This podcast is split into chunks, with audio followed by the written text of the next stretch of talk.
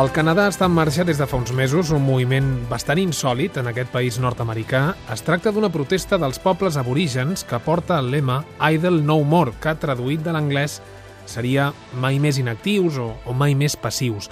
Un moviment que s'ha anat fent conegut més enllà de les fronteres canadenques gràcies a una de les seves líders que està en vaga de fam des de fa més d'un mes. Josep Lluís Alai, molt bona nit. Bona nit. Eh, Situem-nos, com sempre, quins són els pobles aborígens del Canadà i quins en concret estan protagonitzant aquesta protesta? Els pobles aborígens del Canadà es divideixen principalment en tres grans blocs. Un és el de les primeres nacions, l'altre són els mestissos, que venen qualificats d'aquesta manera, metí, de la paraula francesa, que serien barreja de primeres nacions amb europeus, i el tercer grup són els inuits, o que habitualment anomenaven esquimals, i que en aquest cas no formen part del moviment de protesta. El moviment de protesta actual està format bàsicament pel que anomenem les primeres nacions, totes aquestes tribus de la zona sud i central del Canadà, des de l'Atlàntic fins al Pacífic, aproximadament unes 700.000 persones, el 2% de la població del Canadà, i que com a grup més important eh, serien els CRI, després aquests CRI estan dividits també en múltiples nacions, però tenim un gran bloc, bloc anomenat eh, CRI, amb una llengua molt rica, que també és literària, perquè també eh, s'ha escrit, i s'ha escrit amb una escriptura pròpia, a més a més. És una de les poques llengües del nord d'Amèrica que han tingut i segueixen tenint una, una escriptura pròpia creada al segle XIX, que encara s'utilitza i que fins i tot es va traslladar fins als inuits. I com la llengua dels inuits en les seves zones del Canadà, que és l'inuctitud, és llengua oficial, aquesta escriptura també és oficial al Canadà. Per tant, eh, doble mèrit, diguéssim, dels CRIs, no? que han aconseguit, en certa manera, que una primera nació d'Amèrica tingui una escriptura pròpia i, a més a més, eh, sigui oficial. Totes aquestes primeres nacions, com podem suposar, doncs estan en l'origen, naturalment, d'aquest territori del Canadà.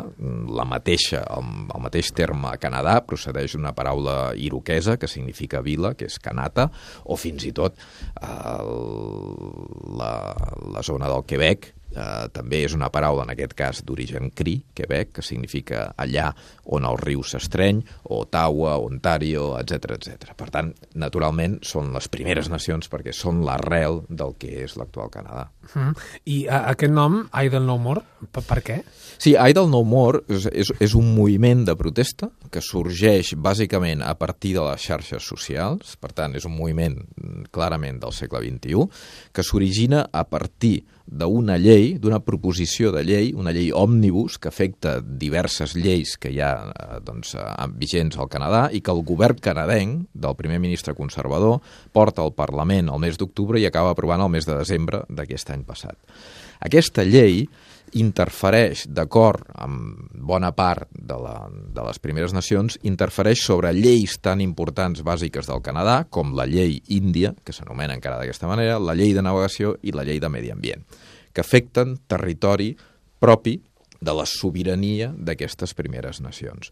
Per exemple, doncs, facilita eh, que aquestes terres passin a mans de companyies mineres o companyies interessades doncs, en l'explotació de l'aigua, no en propietat, però sí eh, doncs, eh, se'ls hi cedeixi doncs, per, per un cert temps, facilita aquesta cessió de terres i, per tant, les pressions són més fàcils cap a determinats grups de primeres nacions perquè cedeixin algun tipus de mm. terres. Clar, naturalment, els, la gent doncs, més conscienciada d'aquestes primeres nacions vol que, que segueixi com està fins ara, és a dir, que sigui molt difícil aquest traspàs doncs, de, de l'ús de l'ús de, de les terres.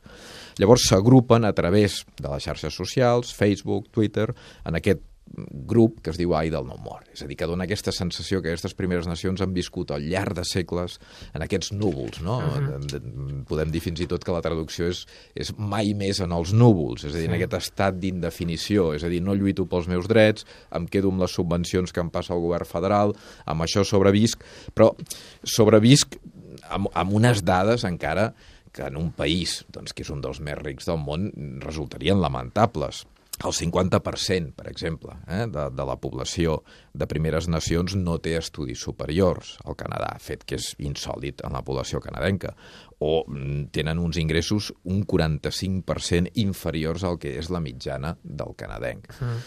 Alguns això ho han definit com un genocidi, eh, quan arribem al, al punt més radical, que seria el de precisament aquesta persona que està en vaga de fam. Uh -huh. Tenim aquesta persona que està en vaga de fam, però suposo que aquest moviment eh, té, té altres líders també, eh? Sí, sí, sí, sí, sí. El, el que passa és que, clar, naturalment ella s'ha esdevingut una mica el símbol, perquè al desembre va començar la vaga de fam, ara porta un mes pràcticament doncs, eh, bevent però sense menjar res. Ella exigeix una reunió entre tots els caps de les primeres nacions i el primer ministre del Canadà, Stephen Harper, i el governador general, eh, del Canadà, encara designat doncs, des, de la, des de la corona britànica, no? per fer una reunió doncs, tot el cerimonial possible per discutir de nou sobre el tractat que afecta les primeres nacions. Van discutir sobre aquesta sobirania de les primeres nacions. I probablement ella, que és la que ha utilitzat, en certa manera, per primer cop, una paraula que és molt controvertida, no, insisteixo, no tots els caps de primeres nacions hi estan d'acord, feia servir aquesta paraula d'aquest genocidi lent. Eh? La, la chief, li diuen la chief Teresa Spence. Però ella mateixa també té un punt de controvèrsia. Eh, ella és la responsable d'una d'aquestes nacions, eh? Mm. la dels Ottawa-Piscat, que està al nord d'Ontario i que l'any 2011 doncs, va haver-hi una certa polèmica. Eh? De sobte el Canadà es va donar compte de les condicions miserables en què vivia aquesta nació, ella va denunciar que era responsabilitat del govern federal i el govern federal, en certa manera, la va fer responsable amb ella per no haver eh, no haver-se ajustat, diguéssim, a les subvencions que li passava al govern i haver fet més doncs, per, per l'habitatge d'aquestes poblacions. Per tant, és un personatge que té un punt de controvèrsia, però és cert que s'ha convertit en el, en el gran símbol, però en canvi el que està considerat el cap de totes les primeres nacions del Canadà sí que està dins del, del moviment I del No More, que és en, en Sean Atlio, però és més moderat. Ell sí que es va reunir amb el primer ministre Harper, mentre que ella ha rebutjat reunir-se només amb el primer ministre, vol que també hi sigui el governador general, mm. i per tant ell ha adoptat, el, el Sean Atlio ha adoptat una posició més moderada, més de diàleg. El govern Canadà, en resposta, també diu que per primer cop, doncs, en aquesta legislatura que va començar el 2011, és quan més mm, diputats, membres del Parlament, hi ha membres de primeres nacions, en són uh, set en concret, i que, a més a més, tenim una ministra, que és la ministra de Sanitat, per tant, d'un ministeri important, que és inuit, i així segueix doncs, eh, argumentant que tenen en compte doncs, aquests grups aborígens i que, a més a més, els hi atorguen poder real federal, no només poder en aquestes eh, nacions índies. I quin, quin futur té, creus, aquest moviment?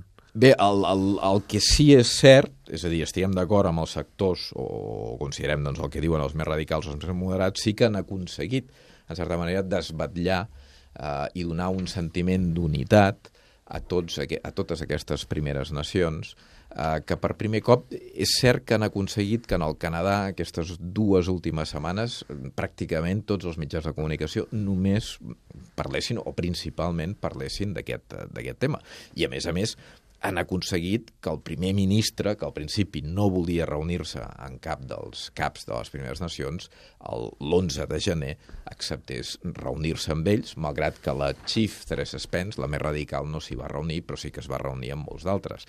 I a més a més va dir que doncs, a partir d'ara acceptava doncs, aquest desafiament democràtic per part de les Primeres Nacions i que el govern del Canadà doncs, faria un seguiment més proper dels problemes de primeres nacions. Per tant, probablement ha servit per prendre més consciència a nivell federal de que existeix realment un problema i segurament això anirà a favor dels drets d'aquests pobles. Doncs és la realitat aquest moviment dels pobles aborígens del Canadà, que es diu del No More, que nosaltres traduïem al principi com mai més inactius o mai més passius, i que en Josep Alai eh, traduïa eh, com mai més en els núvols, que a mi m'agrada particularment una mica més. Josep, eh, tornem a parlar d'aquí 15 dies. Moltes gràcies, bona nit. Gràcies a vosaltres, bona nit.